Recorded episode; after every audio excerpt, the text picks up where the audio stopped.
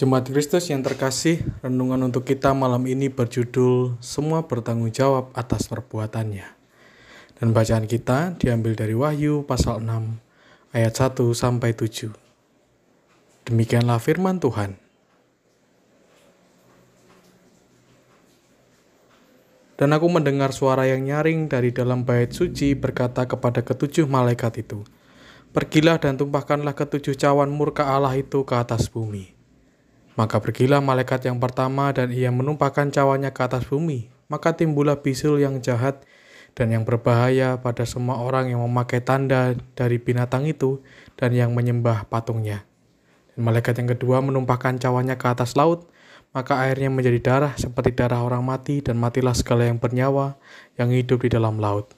Dan malaikat yang ketiga menumpahkan cawannya atas sungai-sungai, mata-mata air, dan semuanya menjadi darah.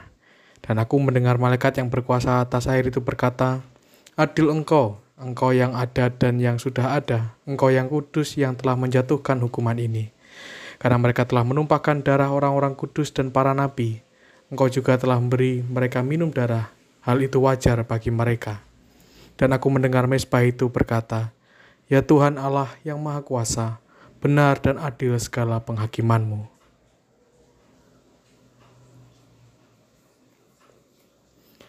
Ada banyak orang jahat di sekitar kita yang mampu berbuat sesuatu yang jahat pula demi mendapatkan keuntungan pribadi. Tak jarang orang-orang ini rela mengorbankan kehidupan orang lain demi keinginan sesaat mereka. Kadang kita marah dan kecewa karena melihat kehidupan orang-orang yang jahat ini rasanya dilihat lebih enak dibandingkan dengan kehidupan kita.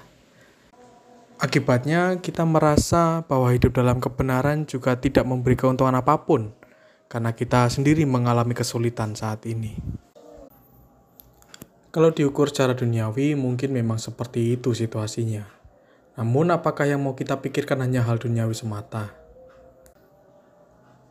Mari kita lihat apa yang dikatakan dalam bacaan kita, bahwa orang-orang yang berlaku jahat kepada orang benar akan mendapatkan hukuman yang setimpal. Hidup mereka pada akhirnya akan hancur karena perbuatan mereka di dunia. Oleh karena itu, mari kita renungkan kembali bahwa hidup kita bukan tidak berharga ketika kita mempertahankan kebenaran. Walau secara ukuran dunia kita kekurangan dan kesulitan, itu bukan masalah bila dibandingkan dengan janji Allah yang akan memberikan kehidupan kekal kepada kita. Oleh karena itu, mari pertimbangkan dengan baik jalan hidup seperti apa yang mau kita ambil. Jangan sampai salah memilih.